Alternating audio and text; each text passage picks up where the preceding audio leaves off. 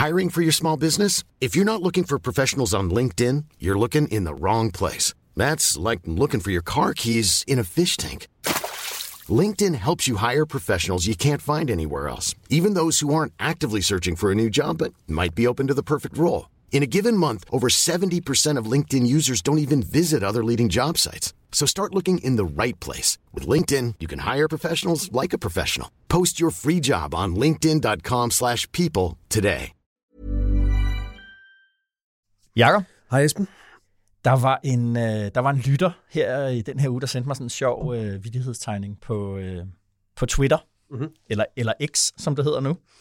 Øh, nå, men det er fra, det, det, fra din gamle arbejdsplads, Jacob, politikken. Ja. Tegneren øh, Philip Ytronel, Mm-hmm. Han, øh, jeg tror faktisk, det forestiller øh, politikens hus, den der hjørnebygning der på, på Rådhuspladsen. Og det er sådan en helsidestegning, der forestiller hele huset, og så kommer man ligesom øh, ind i det, ligesom en julekalender eller sådan noget den stil. Ikke? Jeg ved godt, hvor vi er på vej hen nu, tror jeg. Op, op på toppen er der en taleboble. Man ser det helt udefra. Der er en taleboble, øh, formentlig fra en kantine eller et eller andet. Hvor inde i taleboblen står der, der er roulade. Der rullede. Og, øh, og så er det næste billede er en, der løber ned på, øh, på redaktionen med en tallerken med en roulade på. Og så øh, siger han sådan lidt øh, sådan glad og opstemt, der er roulade. Og det bliver så, øh, ude på redaktionen, er der så et eller andet sted en, der siger, sagde han rokade? Og så eksploderer hele redaktionen i, øh, i sådan en meget ophidset stemning, øh, hvor Ja. ja. ordet rokade bliver sagt øh, tusind gange. Og øh, den har jeg grinet af øh, en, en del den her uge, for Ja. ja. det har jo været Den, øh, helt den, store rokade roulade uge.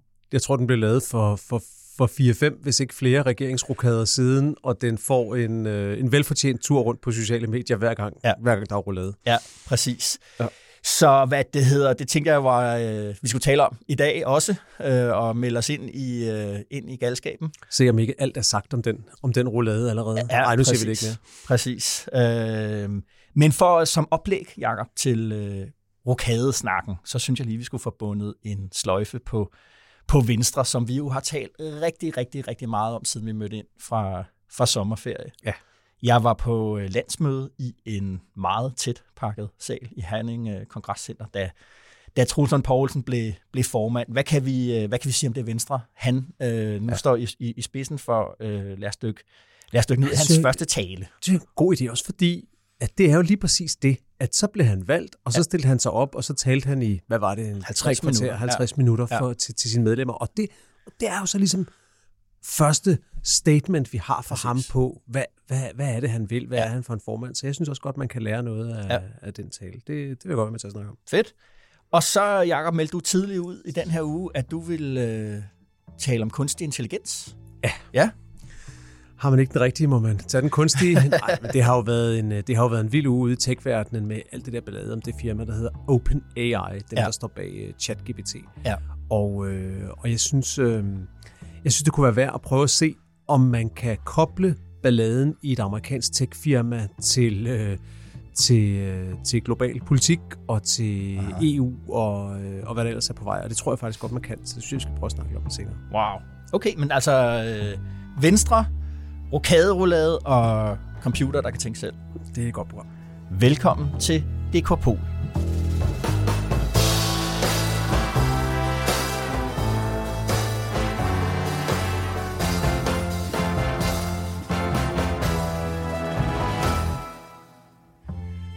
Fluen på væggen, Jakob. Hvor har du siddet og været en knapt knap synlig øh, sort prik henne i den her uge? Jamen, jeg kunne så godt tænke mig i den her uge at have været flue på væggen hos øh, Martin Lidegaard, Mm. og, det, øh, og det kunne jeg egentlig godt tænke mig at være, da han, øh, da han så, hvad han selv havde sagt til altinget.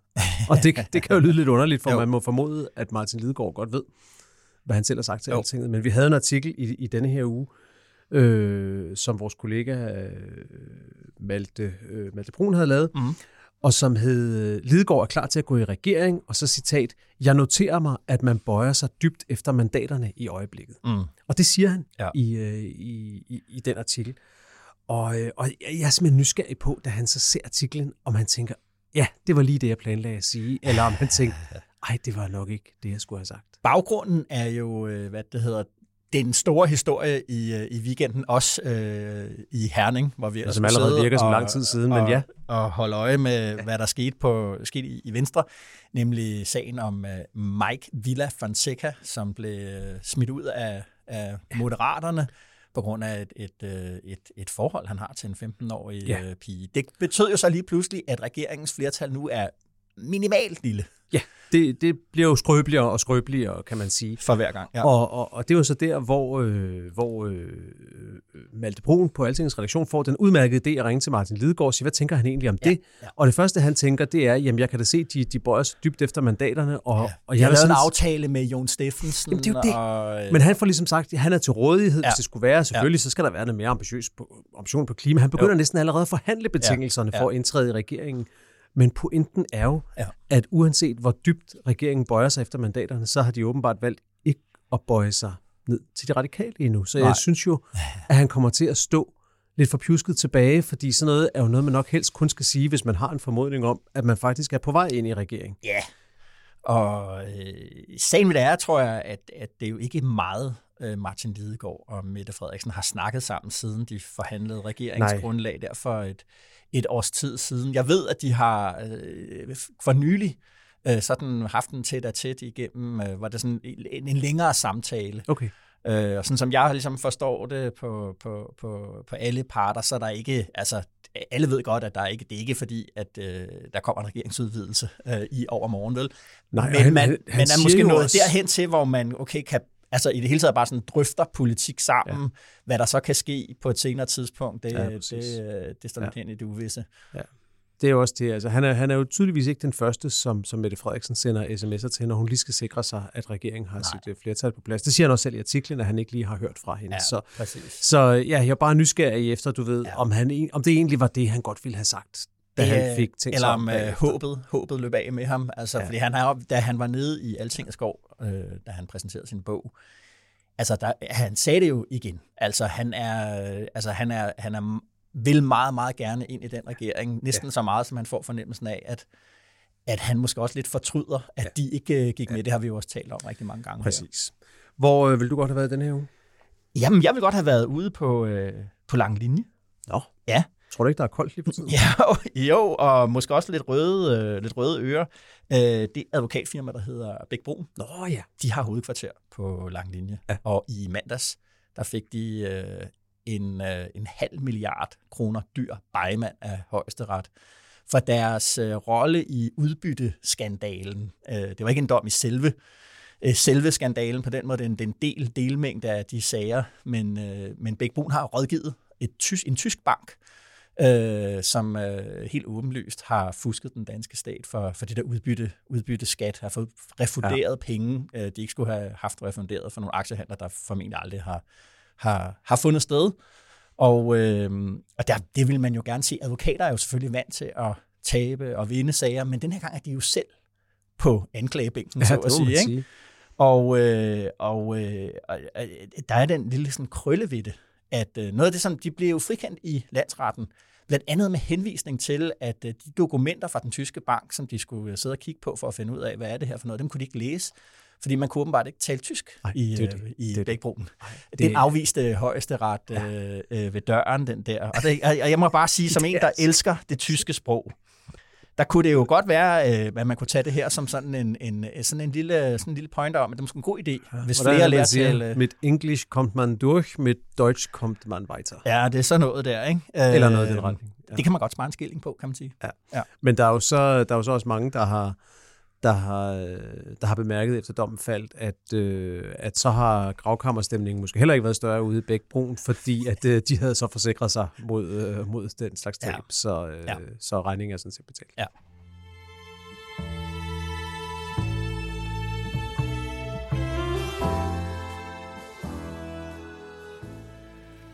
Jeg vil også gerne i dag øh, sige tak til øh, Anna og Andrea, fordi fordi far må få lov til at være i politik. Fordi jeg ved godt, at det er en stor pris, vi alle sammen betaler. Og jeg ved også godt, at far kommer til at være lidt meget væk. Men det betyder enormt meget for mig. at øh, jeg får lov til også at, at gøre en forskel for Venstre. Det kan jeg kun gøre, fordi at øh, I også synes, det er en god idé. Og til dig, Andrea, far skal nok gøre, hvad han kan, for at det bliver et bedre samfund, som du skal leve i, sammen med dine venner og veninder. Ja, altså. her er det Troelsen Poulsen, der på øh, Venstres landsmøde i weekenden retter en, øh, en tak til sin familie for, at far må få lov at være i politik. Ja, ja det, jeg har hørt det flere gange. Det er, det er, det er forunderligt. Det er jo... Det er jo... Øh, det er jo på et plan, er det jo rørende, og når man ser det på tv, ser man billeder af hans, af hans øh, hustru, som tydeligvis bliver rørt over ja, det, og, ja, og, ja. og ægte rørt over, over det, så der, der, der er noget ægte over det. Ja. Men samtidig altså har det også bare spindoktorens gustne præg, ikke? også over, at nu skal ikke bare familien, men også Andrea på fem år, og han begynder at omtale sig selv. Altså han begynder at tale til hende, som han åbenbart taler til et barn ved at gøre sig selv til tredje person. Mm. Han bliver pludselig til far. Ja. Og hvem har nogensinde sagt til sin femårige, far skal nok skabe et bedre samfund? Altså der er noget andet, man siger, og på ja. den måde ja. kommer bliver det på en eller anden måde i mine ører falsk. Ja. Men altså, okay. Det var i hvert fald... Hvem vil ikke komme til at sige noget, hvis man skulle stå på en talerstol og sige jo, det skal man også Hun fyldte jo meget datteren, så meget, ja. at Trulsund Poulsen ja. på et tidspunkt i talen selv bemærker, at nu skulle det hele ikke ligesom handle om hende. Og det er selvfølgelig Nej. klart, at, at øh, det er vigtigt for ham at træde frem som ja. følelsesmenneske, fordi hans image det det. er som, øh, som den her kyniker og, og, og som brutalis. Men, men, men Jacob, øh, han er jo den tredje formand nu siden 2019, øh, tredje formand på, på, på fire år, der skal prøve at løse Venstres problem, nemlig hvordan Venstre bliver et stort statsministerparti øh, igen. Og jeg mm. tænker, at vi skulle dykke ned i Trulsund Poulsens øh, efterfølgende mm. tale, for at prøve at finde et, øh, et svar på det. Ja. Øh, og jeg tror, at hvis vi skal høre efter ordentligt, så er det måske en god idé at lave sammenlignende studier. Okay. Ja, altså fordi øh, lige inden øh, Lund Poulsen holdt sin tale, så sagde Jakob Ellemann øh, Jensen farvel med en, synes jeg, meget markant, øh, meget flot tale, øh, hvor han prøvede at, øh, at definere, hvad han mente var ja. Sjæl. Ja. Så øh, vi får lige en, øh, en, en lydbid her. Vores parti var en reaktion imod de nationalkonservative i højre, og vi blev venstre fordi vi ville fædreland, frisind, frihed og fællesskab. Og vi var, og vi er, imod nationalisme, narcissisme og navlepilleri. Ja, Jacob, øh, sådan lidt snublende øh, klapsalver, der sådan kommer i gang på, på, den, på den karakteristik. Altså Venstre som et liberalt parti, hvor det liberale bliver defineret ikke i modsætning til socialdemokratisme eller socialisme, men konservatisme. Yes. Øh, man er globaliseringsglad, mm. Man er internationalt orienteret, man er orienteret mod, øh, mod, mod fremskridtet. Øh, Ellemann er en, der vender hele tiden blikket ud af, ja. ud af nuet, ud af, af nationen sådan øh, snævre grænser, ja. øh, ser sig selv som, øh, som øh, et, en del af det, der bryder med traditionen for at komme ind i det nye. Og en af de en af de øh, ting, som en af vores øh, kolleger, jeg har desværre lige glemt, hvem det var, man bemærkede på, på et socialt medie, tror jeg, det var under talen, det var, at Ellemann taler om det venstre, han drømmer om, ja. ikke det venstre, der er. Præcis. Så kommer øh, Trusson Poulsen. Øh, jeg har valgt, øh, Jakob, øh, to citatbider. Mm-hmm. Øh, og her, her kommer det første. Frisind, ordentlighed, ansvarlighed. Det er værdier, som skaber sammenhængskraft i vores gode samfund.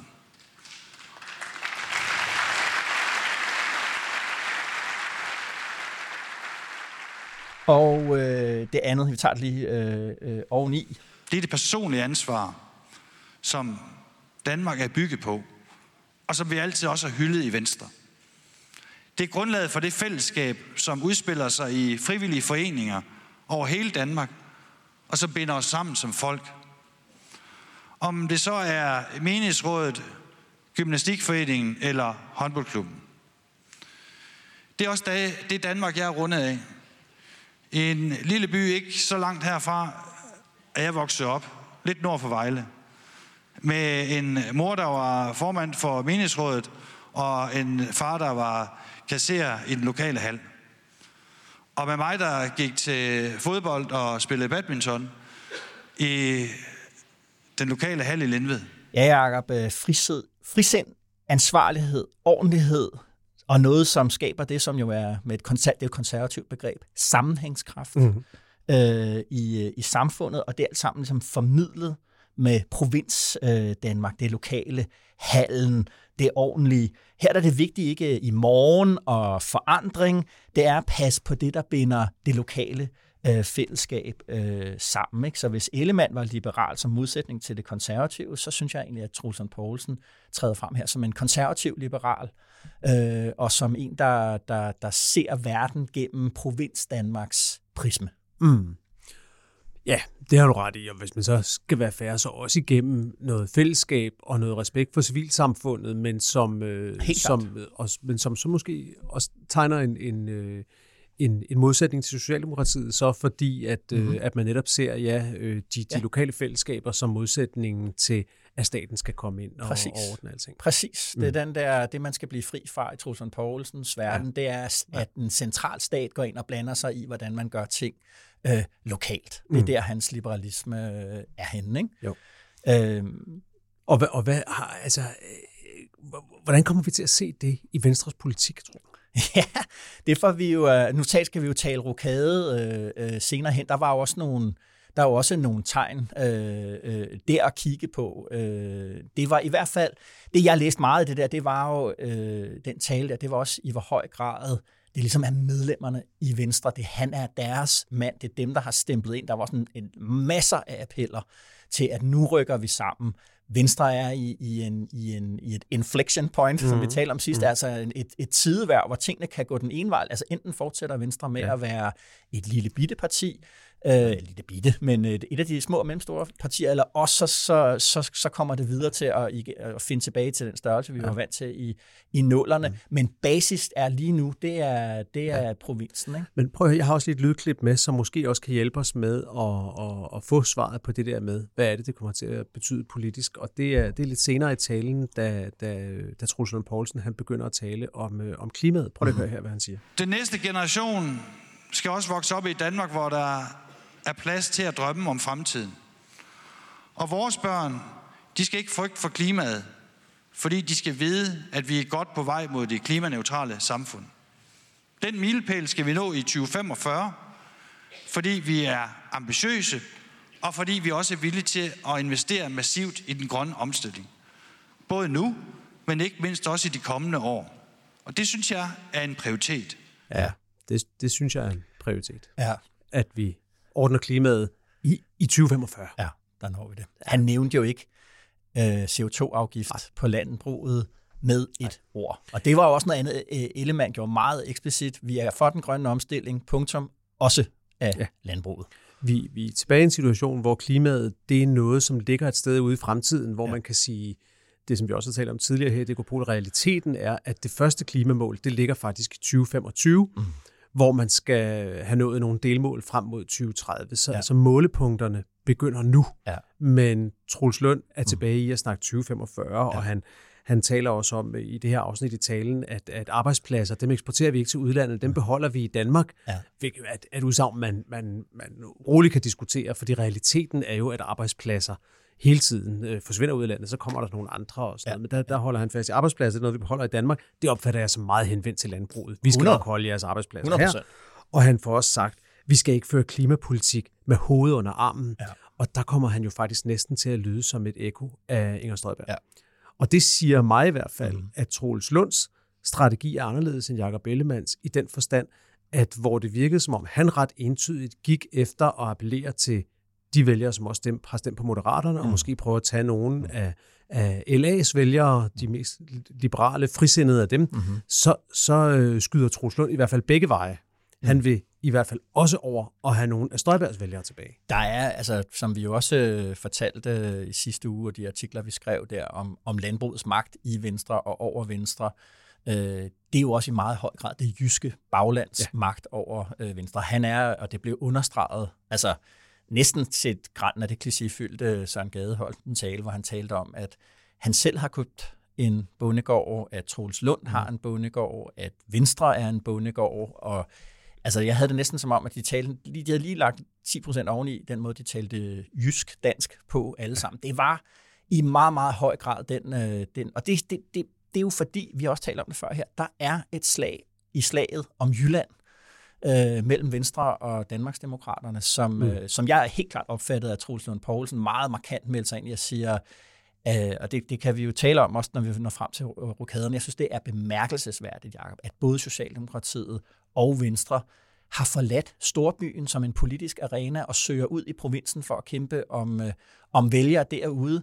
De to historisk store partier er ikke længere nogen, der, der prioriterer øh, Storbyen som arena, i hvert fald for, for indeværende. Får vi se, hvad Socialdemokratiet gør. Men lige nu mm. er København, Odense, Aarhus og Aalborg overladt til Moderaterne, til Liberale Alliance, til Enhedslisten, SF og Alternativet. Og de radikale selvfølgelig. Og som du siger, han nævnede ikke CO2-skatten i, øh, i sin tale overhovedet. Det er simpelthen noget, han har besluttet sig for, at det skal ikke være, det skal ikke være noget, vi skal gå og diskutere, som Jacob Ellemann gjorde hele Præcis. tiden. Øh, lad os nu lade være med at tale om det. En anden ting, han heller ikke nævnede i talen, som jeg synes var bemærkelsesværdigt, det var, han nævnede ikke skat. Øh, altså, øh, for et øjeblik mm. siden øh, snakkede alle om, at skattelettelser, det ja. var hans helt store, det var Venstres ja. helt store ja. sejr. Det ja. var simpelthen ja. den det er det flag, de kan gå, gå igennem, øh, gå igennem den her regeringsperiode med. Ja, gennem de blå haller med. Det bliver ikke nævnt med et ord. Nej. Ja, til gengæld øh, øh, kommer han jo med en milliard til at forbedre øh, hvad det hedder, rammerne, de boligmæssige rammer øh, om, øh, om øh, skoler og børnehaver og vuggestuer. Øh, det var et slagnummer. Så i den forstand kunne man også sige, at, at hvor Ellemann sluttede sin, sin karriere som formand med at sige, at de skulle tage et opgør med, med jorddoktrinen, altså omfavnelsen af velfærdsstaten for at prioritere kampen om værdierne, der var Troelsen Poulsen måske i virkeligheden lidt på vej tilbage til sådan en jorddoktrin, at Venstre er et velfærdsparti, der investerer i, øh, i, i, i velfærden, og så prioriterer man så Øh, nu, ikke, nu er det ikke længere udlændingsspørgsmål mm. så meget, men altså den her øh, lokalisme, øh, provins Danmark, sammenhængskraft. Altså, så det, man kunne godt se det også på mm. den måde en forskydning fra en formand, som kom frem til, at den platform, øh, Anders Fogh Rasmussen og Claus Hjort Frederiksen udviklede der frem mod 2001, skulle man gøre op med, okay. til, øh, til at Trusson Poulsen søgte søg tilbage til det. Og det synes jeg rejser det spørgsmål, der hedder, er, er Troels Lund faktisk i, i, i gang med at åbne døren igen til noget, der hedder Blå Blok, ja. som vi jo har aflevet ja. tusind gange herinde, ja. sagt, den er død, den er væk. Han er i gang med at sige, den findes stadigvæk, og den vil være en faktor, når vi går til valg næste gang. Altså, der er jo øh, et af det, at, altså, hvad kan man sige, politik er altid det, at du kæmper øh, dem du kæmper mod, skal, søger du måske også et samarbejde med. Der var i hvert fald en åben dør til øh, Danmarksdemokraternes vælgere, derigennem jo også til Inger Støjberg, altså også til et samarbejde øh, til, til DF. Altså det her, de vil, de vil kunne se sig selv i meget højere grad, og der kommer jeg jo til at tænke på det der øh, pressemøde, vi har talt om det her på gange der, hvor Truls Lund Poulsen afbrød sin formand og sagde, ja, jamen, vi kan godt gå i regering med Selvfølgelig kan Støjberg blive ja, minister. Ja,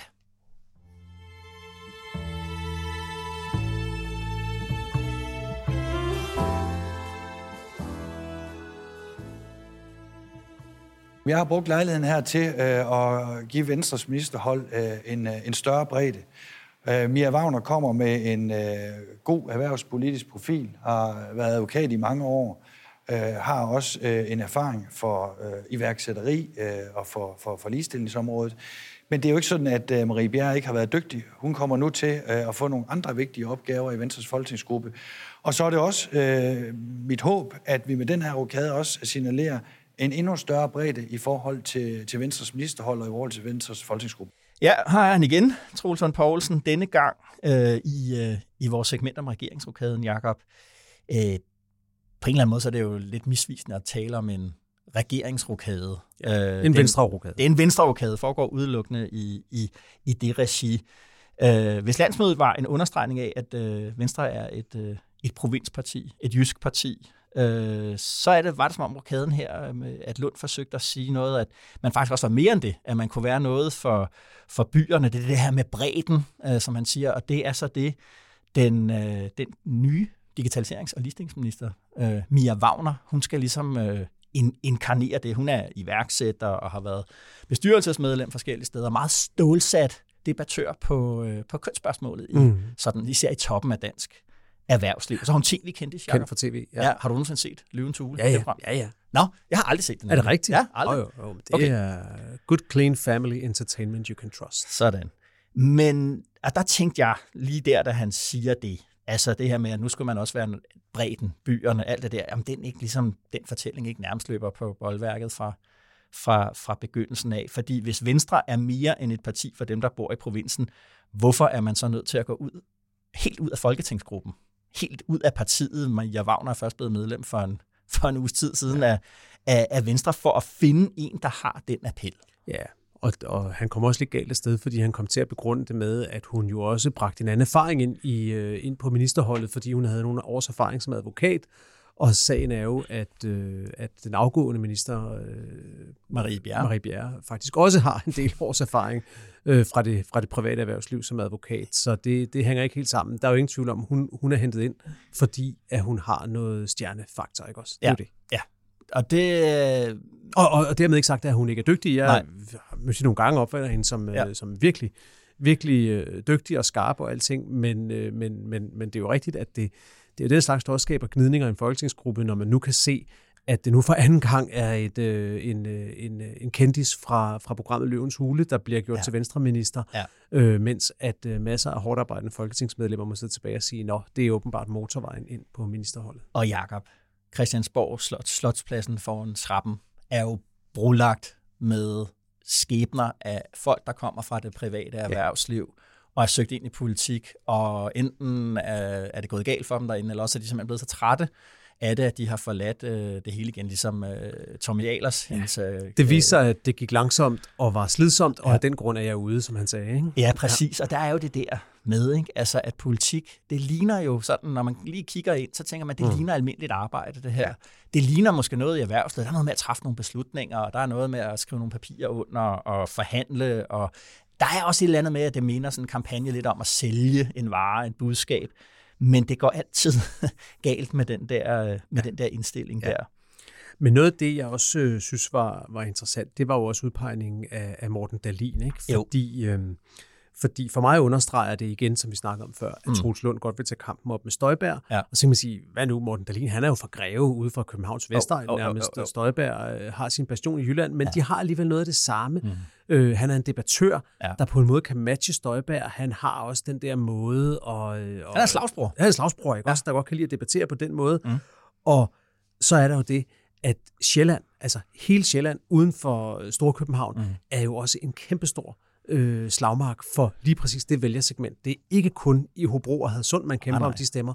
Sjælland er også rigtig, rigtig vigtig. Mm. Og der er Dalin måske lidt mere på hjemmebane. Så i den forstand giver det mening.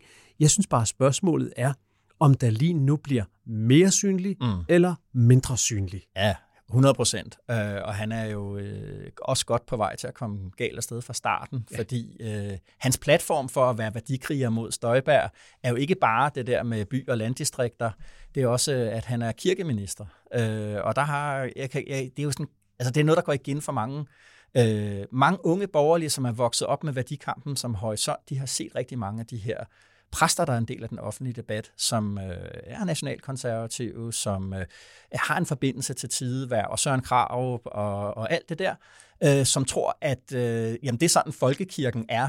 Øh, men det, de glemmer, det er, at øh, meget, meget store dele af folkekirken, specielt dem, der sidder på, på kirkebænken, mange præster, øh, de, er, de er meget mere at finde i sådan et nabolag mellem øh, SF og de radikale, humanitære orienteret, alt det der. Når han går ud og bruger folkekirken som en, en platform for at, at dyrke den helt klassiske støjbærske værdikamp på, på, på udlænding, så slår de op i, øh, op i, op i, op ja. i banen. Og, det, og ikke bare det, de, altså, det er jo også det, at han kommer til, altså, det, det unikke ved folkekirken er jo, at den er apolitisk, mm. fordi den tillader al politik. Den mm. har tidværv inden. Mm. Den har stadigvæk ja. præster inden. Altså, det er også derfor, det er så kontroversielt, det, det lovforslag, regeringen har fremsat om, at det ikke længere skal være, skal være lovligt og, og for et menighedsråd at undlade at ja. ansætte kvindelige præster. Ja. Det er fordi, ja. folkekirken har historisk skulle rumme det hele for netop at være en ja. folkekirke. Præcis. Og, når, og det, det, det fordrer så, at den til enhver tid siddende minister netop ikke politiserer folkekirken. Præcis. Præcis. Og der er, han, ja, der er han straks kommet galt afsted. Ja, og, det, og så tænker jeg, det er rigtigt, som du siger, Sjælland er en, altså uden for København er en slagmark. Inger Støjberg bruger rigtig meget tid rundt omkring i, i Sjælland på at tage rundt til, ja. til, til, øh, til, til forsamlingshuse og, og kroer og hvad der ellers er. Hun har også en meget intensiv uh, Facebook-kampagne, der, der retter sig mod, mod folk, der, der, der bor i, mm. i Frederikssund og Vordingborg og alle de der steder uh, der. Ja, vi skal jo også lige, uh, hvad det hedder, synes jeg, når vi taler om rokade, Lad os prøve at tale om de to, der er blevet siddende, øh, Jakob Jensen og Thomas Danielsen. Det var jo lidt bemærkelsesværdigt, at de to øh, kvinder, øh, øh, der var altså, hvad det hedder, Marie Bjerre og, og Louise Jacques Elholm, de blev fyret, øh, mens de to blev, blev siddende. Og i, og, og i begge tilfælde, synes jeg, det der med, at øh, det vi talte om sidst der med landbrugets magt, er bare meget tydeligt ja. der, at det, det bagland, øh, det, det skal stadig stilles tilfreds, selvom ja det er svært at påstå, at, at øh, Jakob Jensen og Thomas Danielsen har været meget mere succesfulde end Marie Bjerre og, og Louise Jacques Elholm. Det må man sige. Man har ikke hørt dem sige et pip, nogen af dem. Og, øh, og, øh, og, og jeg synes, at det er meget bemærkelsesværdigt. Og et klart tegn på igen, at Troels Lund tegner mm. et Venstre i sit eget billede ja. nu. Det ja. er en drejning af Venstre. Det er en ændring af prioriteterne. Anderledes kan man ikke se det. Også fordi, at, at når han så siger det der med bredden og får Mia Wagner ind, så må der jo sidde den del tilbage af byvenstre, der sidder i... Øh, og Marie Bjerre, hun er lidt en dobbeltfigur. Hun er en stemmesluger i Nordjylland, men hun tilhører også det der unge segment af, af, af, af, af nogen, der har den der storby-kvalitet. Men mm. en anden er jo Linnea Søgaard Liddell, født i, i Aarhus, opstillet her i, i, i København. Ja og som øh, med, med de nuværende stemmeprognoser skal kæmpe benhårdt om et mandat med, med Janne Jørgensen, fordi ja. i, den, i den artikel, Altinget havde ude denne her uge, hvor vi kigger på, hvem ville blive valgt, hvis der, ja. var, hvis, hvis, hvis der var valg i dag, og Venstre fik det antal mandater, de står til, ja. jamen så ville Venstre gå tilbage med, med en i København, ja. og den ville Janne og, og Linnea Liddell skulle kæmpe om. Ja, præcis. Men hun må jo, altså, hun må jo sidde, øh, når hun sidder og siger, at, at, at, at Troels Lund ønsker at signalere bredde, og tænke, at hvad for noget? Ja. Altså, øh, hun er kommet hjem fra parlamentet. Øh, Europaparlamentet, ja. Er, er, har været medforfatter jo til den der bog, som Morten Dahlin og Marie Bjerg også er medforfatter til, er en del af, ligesom, af det kul. Mm. Øh, hvordan, altså, der, hun må sidde meget skuffet tilbage, hvis det vel ligesom var et spørgsmål om at prioritere øh, byvenstre. Hvorfor så ikke prioritere sådan en som hende? Og så er det jo, det, det rækker også videre, synes jeg, fordi en anden interessant ting var jo, at, øh, at øh, folketingsmedlem Thorsten Schack så er blevet et ny politisk ordfører. Ja. Og øh, der må man også spørge sig selv, altså, mm. hvad, hvad er forklaringen her? Det er jo mm. så, det bliver helt familiepikant, fordi det er jo så hans hustru, ja. øh, Louise Jacques Elholm, der er blevet afsat som minister. Ja. Hun kommer tilbage i Folketingsgruppen. Han bliver så nu politisk ordfører. Ja. Og, øh, og, øh, og i den prognose, jeg lige talte om fra Altinget, uh-huh. der er det faktisk meget interessant, fordi med de nuværende målinger, uh-huh. så er Torsten Schack jo i overhængende fare for at ryge ud af Folketinget. Ja. Han øh, er opstillet i Nordjylland, ja. og den han skal kæmpe med sandsynligvis om mandatet, det er Marie Bjerg. Ja. De to kæmper om mandatet deroppe. Og igen, altså, det vil være meget svært for øh, Venstres folketingsmedlemmer ikke at se et signal i, at når man ved, at de to mm. muligvis skal ud og kæmpe om mandatet, formanden gør den ene til politisk ordfører og sætter den anden tilbage på bænken og siger, der kommer nogle meget vigtige opgaver til hende. Det kan vel også øh, være, ja, det er spørgsmålet, hvad skal det være? Skal man være gruppeformand eller hvad? Jeg har, jeg har ikke helt indtryk af, om de har fået konstitueret sig fuldt og helt, men man kunne selvfølgelig også sige, at det var et sats at sige, Marie Bjerg er så dygtig en campaigner, øh, at hun kan skaffe sit eget øh, mandat, så giver vi øh, Torsten Schack en mere prominent plads, så han også kan, kan, kan, kan, kan, blive, øh, kan blive valgt. Men det er klart en prioritering. Af, altså, Thorsten Schack tilhører jo også, han er øh, meget stolt jyde, øh, og, og stolt af den der forbindelse der til også til, til, til landbruget øh, som, som et, et, et, et, et jysk erhverv, ja. hvis man skal sige det på, på den måde. Ikke? For mig tegner det det der samlede billede af, at, at Troels Lund helt klart har besluttet sig for, ja. at han tager kampen op med, med, med Støjbær på mm-hmm. alle de kanaler, mm-hmm. han kan. Mm-hmm. Så synes jeg i, øh, i rokaden også, at, øh, at der var nogle interessante ting ud over øh, ministerudskiftningen. Ja. Der blev også rokeret lidt rundt på, øh, på, øh, på regeringens egne udvalg. Ja, det var for mig at se det helt klart vigtigste. Okay, ja. ja hvorfor?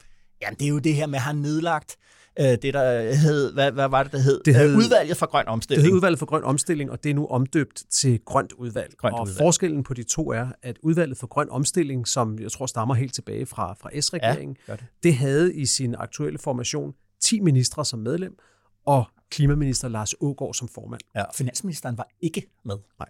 Og i det nye grønt udvalg, der er kun seks medlemmer, mm. og formanden er ikke Lars Ågaard, mm. men finansminister Nikolaj Vammen. Ja. Og det er jo, øh, altså konklusionen på det er, at man har, altså den gamle idé, hvor finansministeren ikke sad med i det der, det var jo på det tidspunkt der i 19, der var der jo hele den her idé om, at Finansministeriets magt skulle trænges øh, tilbage. Det var ligesom meget groft sagt, det var Bjarne Korydon, og det var konkurrencestat og udbudspolitik, og nu skulle vi ligesom tænke politik på en ny måde. Så nu, skulle, nu lavede man det grønne udvalg derfor, og, så skulle, og der kunne øh, Varmen kun komme med, hvis han var blevet inviteret. Ja. Øh, og nu sidder han så for bordenden. Det er jo, altså, det er jo en, en konklusion af, at der sker ikke noget med den grønne omstilling, hvis ikke Finansministeriet øh, øh, sidder for bordenden af det. Øh, det er et, et, et, det har vi tror også, vi har talt om her, at, at, at siden øh, 19, der hvor, hvor de idéer blev præsenteret, skulle man, kunne man få Finansministeriets arme til at blive lidt kortere har jo været et stort institutionelt comeback for, ja. for Finansministeriet. Jeg kan simpelthen ikke nærmest ikke huske en, en forlig eller en aftale, hvor den første er kommet ud øh, fra døren til forhandlingslokalet, det ikke har været Nikolaj Vammen. Altså han var jo ham, der skulle smide de aftaler. Nu ved de det. Noget andet er, at hvis du skal få Finansministeriet til at tænke grøn omstilling, så er du nødt til at gøre øh, ministeren til formand for udvalget, fordi så, så styrer lige pludselig hele mm. systemet også øh, efter det. Ja. Men jo en, en, en stor bejmand til Klima-, Energi- og Forsyningsministeriet, sådan set både til ministeriet og til dets øh, minister, fordi at det illustrerer en manglende tro på, at de er i stand til at styre den proces i, igennem. Ja, Ja, det er en bejemand, men, men, men jeg synes også, at når man talte med folk derovre, at, at der var en frustration over, at tingene ikke, ikke kom i skred noget hurtigere, mm. og, og at, at de ikke havde mulighederne for selv at sætte... Altså, de har, altså sådan er det jo bare i dansk politik. Det er jo historien om dansk politik de sidste 40 år. Det er, at Finansministeriet bliver omdrejningspunktet mm. for politik, i, øh, og, og, og, og på den måde ligger der, så man skulle, øh, hvis jeg må få lov til at sige konkurrencestat igen, Jacob, det er konkurrencestaten, der skal lave den grønne ja. omstilling. Og så er der en anden interessant detalje i det, det er, hvis man kigger på de seks medlemmer, de er jo så, som alting i denne her regering, øh, fordelt øh, efter med, med lineal, sådan så der er to moderater, to mm. socialdemokrater og to venstrefolk. Ja. De to socialdemokrater, som sidder i udvalget, det er så selvfølgelig finansministeren, der sidder for bordenden. Ja. Og så er det altså Miljøminister Magnus Heunicke. Ja. Det er ikke erhvervsminister Morten Bødskov. Mm-hmm. Det synes jeg også er værd at bemærke. Ja, hvorfor? At, øh, jo, men det synes jeg, fordi at man kan, jo, man, kan jo, altså, man kan jo diskutere, hvad der egentlig er vigtigst for den grønne omstilling. Det er jo i høj grad også industri- og erhvervspolitik. Ikke? Også, så man kunne, man kunne med fuld ret argumentere for, mm-hmm. at det skulle være erhvervsministeren, der sad der, mm-hmm. og ikke ikke havets minister, som måske øh, havde nogle andre ting, han skulle, han skulle fikse. Ikke? Også, og den anden ting, det er selvfølgelig, at når vi kigger tilbage på Marienborg og regeringsdannelsen, ja. jamen, så var der to mennesker, som Mette Frederiksen valgte at have ved sin side til mm. de mhm. meget besværlige forhandlinger. Det var Nikolaj Vammen ja. og Morten Bødskov. Ja. Men når hun nu nedsætter sådan et nyt grønt udvalg, så er det altså Nikolaj Vammen ja. og Magnus Heunicke, der er hendes udvalgte. Ja, det er lidt spændende. Men Esben, mens alt det her foregik, ikke? Mm-hmm. Rokade og TV2 var i breaking, og folk herinde, vi gik alle sammen rundt, og hvem er de nye ministre, kender vi dem, og ja, jeg har spist roulade. Ja så var der faktisk møde nede i Folketingssalen. Mm-hmm. Et helt almindeligt dagligdags møde, som der er på rigtig mange torsdage nede i Folketingssalen. Ja. Der var en masse sager på dagsordenen, og, øhm, og der var især en masse andenbehandlinger. Mm-hmm. Og andenbehandlinger, det er, jo, øh, det er jo tit nogen, som foregår meget hurtigt, fordi der har man typisk faktisk ikke diskussion om sagen. Nej. Et, et lovforslag bliver typisk behandlet ved, at der er en første behandling, hvor alle ordfører holder taler. Mm-hmm. Så kommer der en anden behandling, som er sådan lidt mere rutinepræget, ja. Og så kommer der en tredje behandling, hvor man diskuterer det igen, inden man så endelig vedtager det. Præcis. Et af de forslag, der var til anden behandling i, i denne her uge, det var forslaget om øh, ændringer i mediestøtten i Danmark. Mm-hmm. Og der skete så faktisk, øh, der skete så faktisk lidt, mm-hmm. fordi øh, der valgte løsgængeren Teresa Scavenius at gå på talerstolen og, øh, og insistere på at fremsætte nogle ændringsforslag, som der så skulle stemmes om i salen, mm-hmm. for hun synes, det var helt galt, det, øh, det forslag, der er fremlagt. Øh, hun synes, at det vil, det vil skade danske medier samlet, og det forstod hun ikke, at, øh, at man ville være med til. Mm. Og så, øh, så skete der altså noget, som, øh, som jeg godt lige vil spille for dig. Ja, så, så kom med det her. Her Janne Jørgensen, Venstre. Værsgo. Tak. Jamen, jeg vil bare rette en uh, dybfølt tak til fru Teresa Skavenius for at sætte sin uh, kæmpe store viden på området uh, til rådighed for uh, os medieordfører, der har siddet Øh, i uvidenhed og vedtaget ting, som, øh, som vi ikke har styr på. Det er dejligt, at vi har fru Therese Scavenius. Det sætter jeg stor pris på, og øh, jeg vil bare rette en dybfølt tak. Ordføreren? Jamen, jeg takker for øh, rosen. Wow. Der, var, der blev givet ved dørene. Nej, det er... Der bliver altså gået til den i Folketingssalen nogle ja, gange. Ja. En sydende sarkastisk øh, Janne Jørgensen. Ja. Som mente nok, at han havde tilbragt en del timer med at prøve at forstå det her, så han, han havde ikke lyst til at få at vide, at han ikke havde forstået noget som helst. Ja, ja. Det siger også meget om uh, Therese Scavenius, hendes uh, approach, uh, at uh, altså, hun, har ikke, uh, hun, har, hun har ikke reservationer for at gå ind og fortælle folk, at de ikke har forstået noget. Det, det var i det hele taget et morsomt optrin, for det, der var sket inden, det var, at uh, også Alternativets ordfører på området havde bedt om at få en kort bemærkning. Mm. Og hun spurgte så Therese Scavenius, om, øh, om, om ikke, når Therese Scavenius normalt gik så meget ind for højere lovkvalitet og bedre tid, mm-hmm. om så ikke de ændringsforslag var kommet lovligt sent, så man ikke kunne nå at sætte sig ind i dem, og det må Therese Scavenius erkende. Hun synes også, de var kommet lidt sent, og det ville hun beklage. Aha. Det var et sjovt lille optrin. Men, øh, men, men forslaget, alle hendes ændringsforslag blev nedstemt, og sagen er nu sendt videre og skal snart tredje behandles, og så bliver der lavet lidt om i mediestøtten, men det er en anden historie. Mm.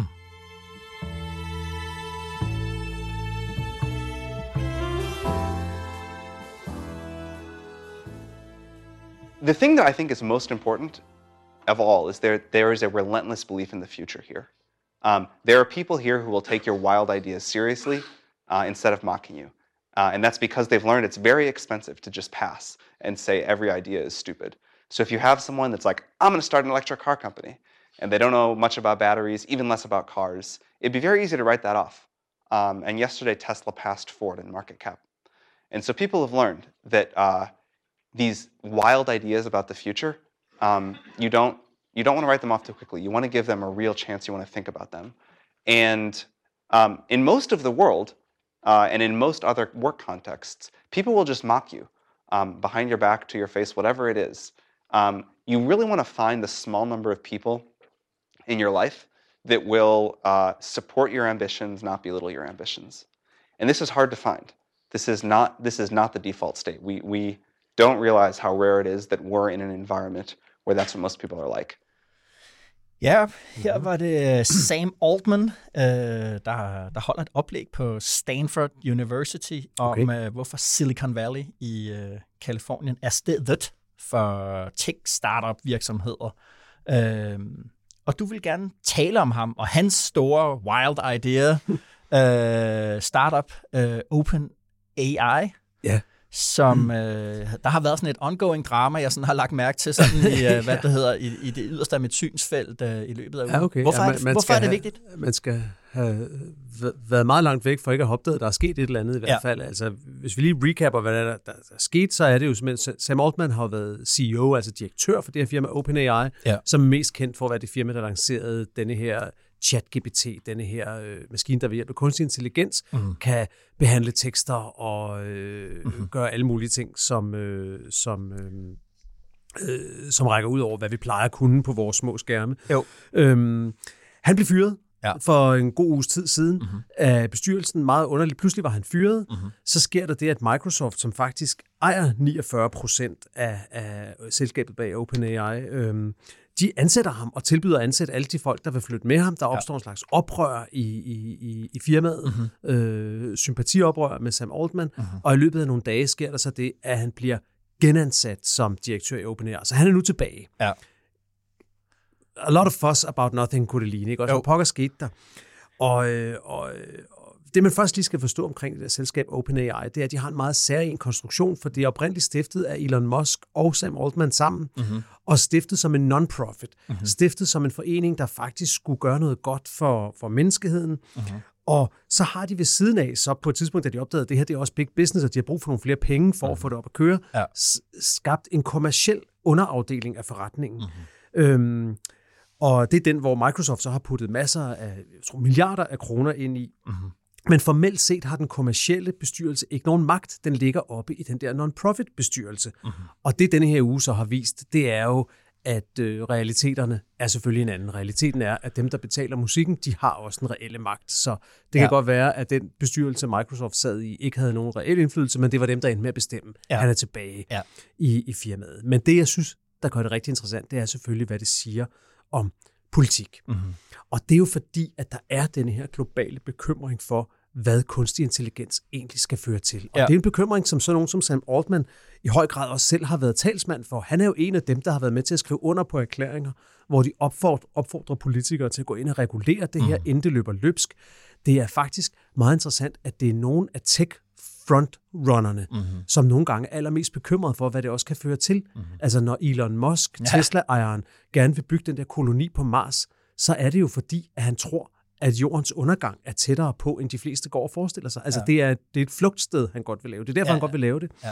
Og jeg ved ikke, om Altman er helt så øh, alarmistisk som Elon Musk, men han har også den der bekymring for, mm. at det her, det kan, det kan stikke af. Vi, det kan stikke af. Vi kan miste kontrollen med det. Det kan mm. ultimativt føre til noget, der leder til, til jordens undergang. Mm-hmm. Og da han så bliver fyret, hvis man så har, jeg har prøvet at læse rundt på internationale aviser, Financial Times, New York Times, forskellige, hvad de, hvad de, dem, nogle af dem, der dækker det meget tæt. Ja. Det lader til, at den fyring, kom, fordi nogle af bestyrelsesmedlemmerne i non-profit-bestyrelsen for OpenAI, mm-hmm. som er kommet ind på de samme præmisser som, som Altman selv. Mm-hmm. Vi, vi gør det her, men vi har også en, en etik og en etisk bekymring for nogle af de her ting. Mm-hmm. De følte, at han var ved at stikke af. Ja. At han måske var ved at, at, at, at feje nogle af sine egne bekymringer til side, muligvis også ved at hente nogle investorer ind fra Mellemøsten og andet, hvor de havde en bekymring for, at vi ved at give nogle mørke kræfter mm-hmm. adgang til nogle værktøjer her, som vi ikke vil kunne styre mm-hmm. i længden. Mm-hmm.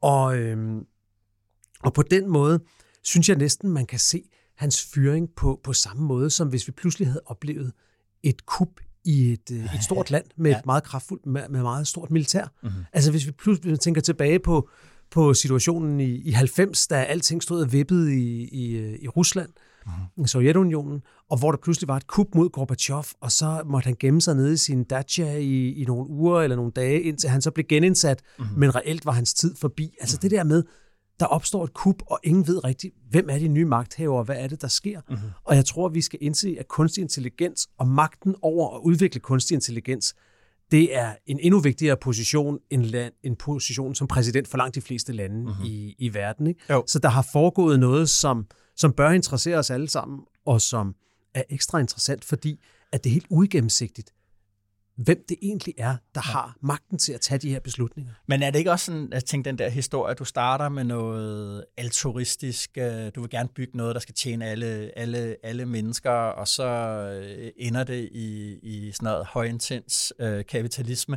Det er jo ligesom hele historien faktisk jo. om Silicon Valley. Altså internettet, starter jo i princippet øh, øh, også på den måde. Det var historien bag Google også, at det var jo også bare en informationssøgningsmaskine. Man skulle ikke, det var eksplicit formuleret, den der stiftede Google, man skulle ikke lave øh, reklame, det skulle ja. udnyttes. Øh, og så på et eller andet tidspunkt, efter at, at man har gjort det Don't i et do evil tid, stuff. Var ja, det sådan, det alt det der, ikke? Ja. Øh, så ender man med at, at, at, at, at, at hive nogle ja. interesser, nogle penge ind. Og det er jo mm. også fordi, at der er sådan en mærkelig ting med, med, med hele Silicon Valley, det er, at på den, altså det starter med noget sådan hippie-ideologi, sådan noget, nærmest sådan noget, ligesom John Lennons Imagine, ikke? Altså at ja. problemet i verden er alle de øh, grænser og forhindringer, vi sætter op øh, over for hinanden, religion, alt politik med teknologi, ikke? Og hvis du springer ja. de, øh, de, øh, hvad det hedder, de forhindringer, de grænser, stater, politik, religion, you name it, øh, nationalisme, hvis du bare får de grænser væk, så, så, vil, så vil fremskridt og fred og alt sådan noget øh, vokse, vokse frem. Den, det, det, det, det, der starter det der startup-miljø, og så bliver det så ligesom øh, overtaget, influeret, hvad det nu er, af hvad man måske kunne kalde sådan en yuppie ideologi, som, som, øh, som på mange måder kan ligne det der hippie noget, måske lige bortset fra noget omkring privat ejendomsret, og, og at det, der skal være græn, det, der ikke skal have nogen grænser, det er markedet, og at, at det at øh, tjene penge, altså den fuldstændig frit uden for, for, for politiske kontrol. Men det, de deler hippierne mm. og yupierne der, det er jo mistanken over for politik, mistanken over for staten, som jo også har en meget det, lang amerikansk tradition. Og, og det er jo det, som, øh, som jeg også synes er så super interessant, det er, hvilken rolle er det, de her, de her store tech-milliardærer egentlig spiller i det moderne samfund. Ja. Paul, Paul Krugman havde en virkelig interessant kommentar i New York Times her mm-hmm. i mhm. løbet af, af sommeren, hvor han sagde, at, at det virker lidt underligt, at nogle af de øh, mænd, for det er det typisk ja. i verden, der har de allerstørste formuer og allermest indflydelse, de faktisk øh, er lidt inde i sådan konspirationsteorier. Mm-hmm. Altså fordi, om, om, nogle, om nogle mørke eliter, der styrer verden, fordi mm-hmm. er det ikke dem selv, der er eliten? Ja. Og så har han sådan en meget sjovt afsnit i den kommentar, hvor han skriver, øh, nu citerer jeg det bare lige på, på, på dansk, der skriver han, under alle omstændigheder er det, vi ser nu, meget bemærkelsesværdigt. Den skøreste fraktion i amerikansk politik lige nu er uden tvivl ikke fyre med røde Donald Trump-hatte, der sidder på en diner. Nej, det er tech-milliardærer, der bor i store palæer og flyver rundt i private jetfly. Og på en måde er det ret sjovt. Desværre har disse mennesker imidlertid penge nok til at gøre alvorlig skade, Mm. skriver han. Og det synes jeg er en, øh, er, en, øh, er en vigtig pointe. Altså, hvis man vil stramme den lidt op, kan man sige, at Elon Musk-segmentet i amerikansk politik, altså de, de, de er Spectre fra James Bond-filmen, ikke også? De er, de er den, den lidt udefinerede Mm. gruppe af potentielt øh, onde, hvis hensigter vi ikke rigtig kender, Mm. og som ikke refererer tilbage til nogen. Ja. Og spørgsmålet er selvfølgelig, hvem, hvis de er Spectre, Mm. hvem er så James Bond? Ja, men det er, Jacob, det er staten, og det synes jeg også, at der, at der er sådan øh, øh, optræk til. Øh, Biden har jo lavet, øh, har jo, har jo, er jo begyndt nu at, at, at vil lave lovgivning, der skal, der skal regulere øh, AI. Det har også meget høj grad været EU's rolle at, at lave øh, lovgivning, der kan re- regulere. Vi griner, og der bliver grinet rigtig meget, øh, øh, også i den danske debat af, at øh, EU vil regulere, men ikke selv skabe. Altså, vi har ikke nogen AI-virksomheder, vi har ikke det der. Vi vil gerne regulere det øh, anyway. Men ja, det tror jeg bare øh, er, er, altså, det er selvfølgelig et slag, der kommer til at være ongoing øh, fra nu af. Øh, men jeg er ikke et sekund i tvivl om, at staten øh, sætter sig igennem, som den sætter sig igennem over for alt muligt andet. Det var præcis den pointe, jeg også ville frem til. Og, og sagen er jo nemlig, at EU er i gang med AI-regulering. Ja. At man venter faktisk, at, øh, at der kommer et forslag her i den kommende uge, eller næste uge, tror jeg, 6. december, mm-hmm. øh, regner man med, at der bliver fremsat et forslag i EU om AI-regulering. Og øh, ambitionen er, at det skal vedtages inden at denne her mandatperiode for EU-kommissionen og EU-parlamentet udløber, og det vil sige mm-hmm. inden til sommer. Og det tror jeg lidt er erkendelse af, at man i forhold til sociale medier kom alt, alt for sent i gang med at regulere det. De er først lige blevet vedtaget, de store lovpakker, der skal regulere mm-hmm. sociale medier, og de er så først nu ved at blive implementeret i Danmark og alle de andre medlemslande. Mm-hmm. Med AI, der prøver EU at komme hurtigere i gang, mm-hmm. og arbejder altså med noget lovgivning, som ud fra det, de kalder en risikobaseret model, hvor man opdeler kunstig intelligens i forskellige grupper af kunstig intelligens, hvor mm. noget er, er helt harmløst, og andet skal faktisk være forbudt. Mm-hmm. Det er for eksempel sådan noget med at anvende AI, kunstig intelligens, til social scoring, som det hedder. Mm-hmm. Altså sådan noget, hvor myndigheder måske bruger kunstig intelligens, viden om, hvad du gør på din mobiltelefon, mm-hmm. til at beslutte, om du har ret til en ydelse, eller har andre frihedsrettigheder og sådan Ja. noget. Så der, der er faktisk noget regulering på vej, og, og det bliver et af de helt store lovgivningsslagsmål i det kommende halve år med nogle super interessante dilemmaer. For eksempel også, når det så på et tidspunkt er vedtaget, hvem skal overvåge, at det bliver overholdt? Ja. Er det noget, en eller anden central EU-myndighed skal gøre for at gøre det effektivt og slagkraftigt, eller skal det gøres lokalt for at sikre suverænitet? Kan vi stole på, at et land som Ungarn eller et land som Irland, der har kæmpe store tech-virksomheder liggende, at de også vil håndhæve den lovgivning, der bliver, der bliver vedtaget. Så, øh, mm-hmm. så ja, det er, det er, det er lovgiverne mod tech-milliardærerne, og det er et slagsmål, øh, der kommer til at få enorm betydning for os alle sammen.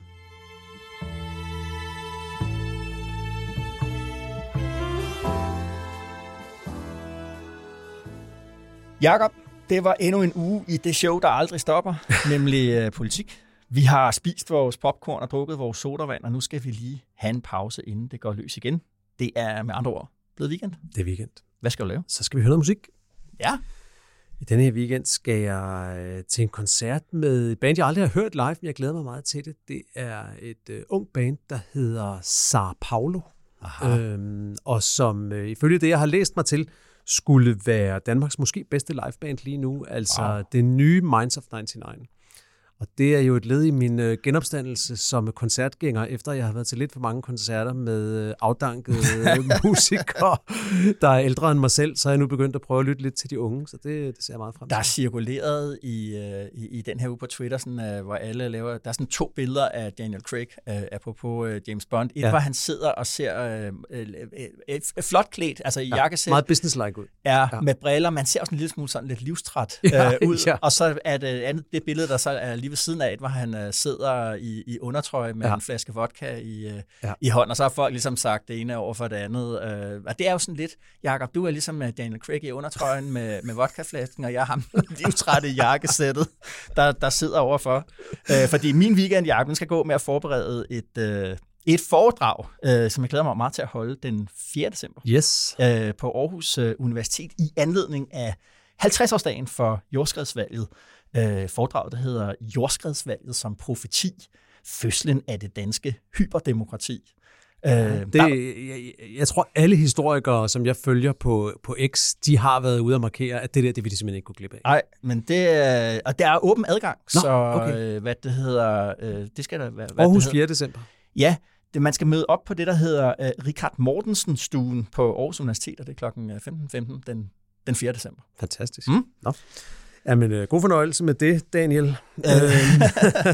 Hvad det hedder, øh, inden vi slutter, Jacob, så skal vi jo have anbefalinger til lytterne. Hvad har du Ja. ja. med under armen fra din uendelige mængde af bangers? Ja, jeg har også nogle bangers med denne her uge. Synes jeg. I denne her uge, synes jeg, der skal vi snakke lidt mere øh, sådan helt konkret politik i anbefalingerne, fordi uh-huh. udover alt det, vi har stået og talt om her, Jo. så er der jo faktisk sket noget, der er endnu vigtigere uh-huh. ude i verden. I hvert fald vigtigere end den danske regeringsrokade, må man sige. Uh-huh. Nemlig to meget markante valg, der har fundet sted. I det ene øh, har Argentina valgt en ny præsident, der hedder Javier Milei. Mm-hmm. Jeg ved ikke, om man udtaler det præcis sådan. Mm-hmm. Men, øh, men øh, en, helt, øh, en helt ekstraordinær figur. Billederne er gået jorden over. De fleste har sikkert set billederne af ham. Der er sådan en meget vildt klip med ham, hvor han står og svinger en motorsav, ja. Som vel og mærke er tændt. Ja, Øh, midt blandt folk. Lidt blandt folk. Ja. Med, masse mennesker står med den der motorsav, og der er et andet klip, der har, der har cirkuleret, hvor han, hvor han står ved sådan en whiteboard ja. Og flår navneskiltene på forskellige ministerier ned og siger, ja. Væk med det, Socialministeriet, væk med det, ja. Miljøministeriet, væk med det. Ja. Og det har selvfølgelig fået en masse folk til at skrive og spørge, om, om ikke bare det er Argentinas Trump, der nu er kommet. Mhm. Mm-hmm. Og svaret på det er nej, det er ikke Donald Trump, der er kommet, fordi ham her, Javier Milei, han er ikke sådan en antiglobaliseringstype som Donald Trump. Uh-huh. Han er tværtimod super ultraliberalist. Ja, meget. Øh, som, øh, som nærmest sådan en ekstrem udgave af Ronald Reagan, kan man mm-hmm. sige. Ja. Og, øh, og en meget sjov ting, øh, den artikel, jeg godt vil anbefale, det er en, jeg fandt i New Yorker, hvor man, øh, hvor man får ret meget at vide om ham og hans mm-hmm. politik, og hvad det egentlig er, han vil, og også hvorfor han får svært ved at gennemføre det, Ja. øh, det han gerne vil. Men der er blandt andet den detalje, at han øh, intellektuelt er meget inspireret af nogle af de store libertarianere, mm-hmm. som øh, Milton Friedman ja. Ja. og Robert Lucas, mm-hmm. og derfor han har faktisk fem hunde, øh, som, er, som hedder henholdsvis Milton, Robert, Lucas og så Murray efter en anden libertariansk Ja, ja, tænker. ja, ja. Og den femte hund, den hedder så Conan, opkaldt efter Conan the Barbarian. Wow, med Arnold Schwarzenegger. Kan make this ja, up. Nej, Nå, der er en god artikel i New Yorker, den ligger i show notes, linket til den, der lærer man virkelig øh, lidt om øh, den nye argentinske præsident, ja. Og også som sagt om, hvorfor at det politiske billede er lidt mudret, så det er ikke sikkert, at han kan, han kan forandre Argentina med et slag. Han vil jo blandt andet indføre dollaren som den eneste valuta i Argentina, ja. Men det er nemmere sagt end gjort. Ja. Og det andet, jeg vil anbefale, det er jo det andet store valg, der har været den her uge, det er det valget i Holland, Mhm. mm-hmm. hvor til alles overraskelse, tror jeg, øh, endte Geert Wilders og hans frihedsparti, Partei van der Freiheit, ja, ja. de, valg, de øh, endte jo med at vinde en overraskende stor valgsejr og Ja. blive suverænt det Ja. største parti i det hollandske parlament, øh, med cirka en fjerdedel af, af mandaterne. Og det er jo stadigvæk meget uklart, hvad det kommer til at betyde for Holland, mm-hmm. og hvad det kommer til at betyde for EU. Øh, hollandske Utroligt. regeringsdannelser er jo altid øh, altså maratonlange. Ja, ja. Det er utroligt, han stadig er der. Ja, det er utroligt, han er der. ikke, fordi øh, han var der også for 20 år siden. Ved du, hvor mange medlemmer der er i hans parti? Ja, et. Ja. Øh, ja, men det er, det, altså, og, og se, vi kan, det er ham selv. Ja. Øh, det kan man, øh, det kan man øh, grine af, men vi ser jo, øh, alt i Danmark er jo altid sådan lidt øh, fortyndet øh, ja. fra andre steder, men det der med, at, øh, at medlemskab, altså at parti er udgjort af nogle medlemmer, øh, Ja. ja. det, øh, ja, vi kan se, at Støjbergs parti, der kan Ja. man øh, være medlem på to måder. Man kan være medlem, medlem med stemmeret, eller så kan man være, være medlem som ven, Som hvor ven. man ikke har, ja. har, har stemmeret. Præcis. Og, øh, og den udvikling der, den, den, øh, det ved jeg, at der er andre partiledere, der sidder og kigger på. Kan vi Ja. gøre det der på en anden måde? Ja. Ja. Øh, apropos det, vi også talte om med, med, med medlemmer og vælgere. Det Men nu er Wilders der, Ja. vinderen af valget. Øh, Hvad kommer der til at ske, og hvad vil han med Hollands EU-medlemskab? Vil han ud? Vil han have en folkeafstemning? Og spændende nok også, hvad betyder det her for EP-valget Mhm. mm-hmm. i 2024, altså valget til Europaparlamentet? Risikerer vi i virkeligheden et Europaparlament, hvor at øh, EU-skeptiske mandater fra Holland, Frankrig, Tyskland, Mhm. mm. Italien og Ungarn ender med at handlingslamme parlamentet, så der ikke kan vedtages for eksempel sådan noget som den AI-lovgivning, vi Mhm. lige, vi lige talte om. Det synes jeg er et af ugens helt store spørgsmål, og min anbefaling der, det er at lytte til øh, Altingets EU-podcast Hvis med man ikke gør det Thomas. Lauritsen ja. Og, og Rikke Albrechtsen. Ja. Ja. skal man have fat i denne her uge, Ja. for de går all in på valget i Holland, og hvad det betyder for os alle sammen. Wow. Så det er bare over at Nå. lytte til dem.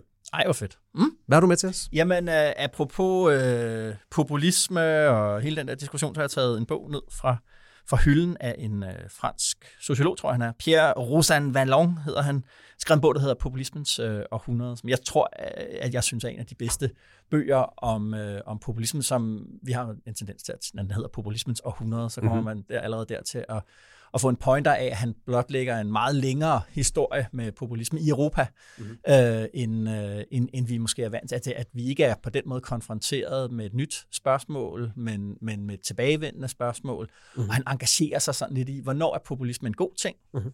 Øh, og hvornår er det en, en, en dårlig ting? Sådan et groft sagt, så siger han ligesom, at, at populisme som alarmklokke i forhold til mainstream-partier er en god ting øh, populisme i det øjeblik, at det sniger sig ned, og, og man har du ved, store folkeafstemninger om for eksempel et EU-medlemskab eller noget, hvor man et eller andet sted overlader noget til, til, til, til folk, som det repræsentative demokrati egentlig burde tage sig af ja, så kan man havne i, i, i nogle rigtig øh, dårlige øh, scenarier, dårlige problemer. Det er en, en, en rigtig spændende øh, øh, bog, som, mm. som blotlægger, hvad skal man sige, populismens og det, historie. Og det bliver jo simpelthen så relevant i, i, i Holland, som vi lige har talt om, fordi at, at noget af det, som jeg virkelig er spændt på at se, det er jo, om kredsen af, hvad skal man sige, gammeldags, ja. det vi vil kalde måske ikke populistiske partier, mm.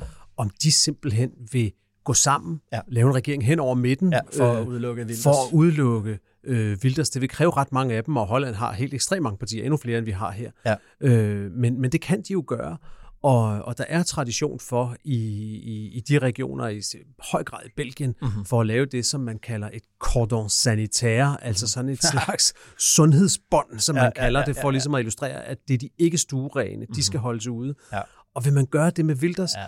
og hvad vil det få betydning, hvis man gør det? Fordi der er jo ingen tvivl om, at, øh, at, øh, at han netop i hvert fald også fungerer som populisme som alarmklokke mm-hmm. i forhold til en folkelig bekymring for nogle, mm. øh, for nogle indvandringsspørgsmål. Præcis. Og øh, det bliver de andre partier nok nødt til at forholde sig til. Mm-hmm.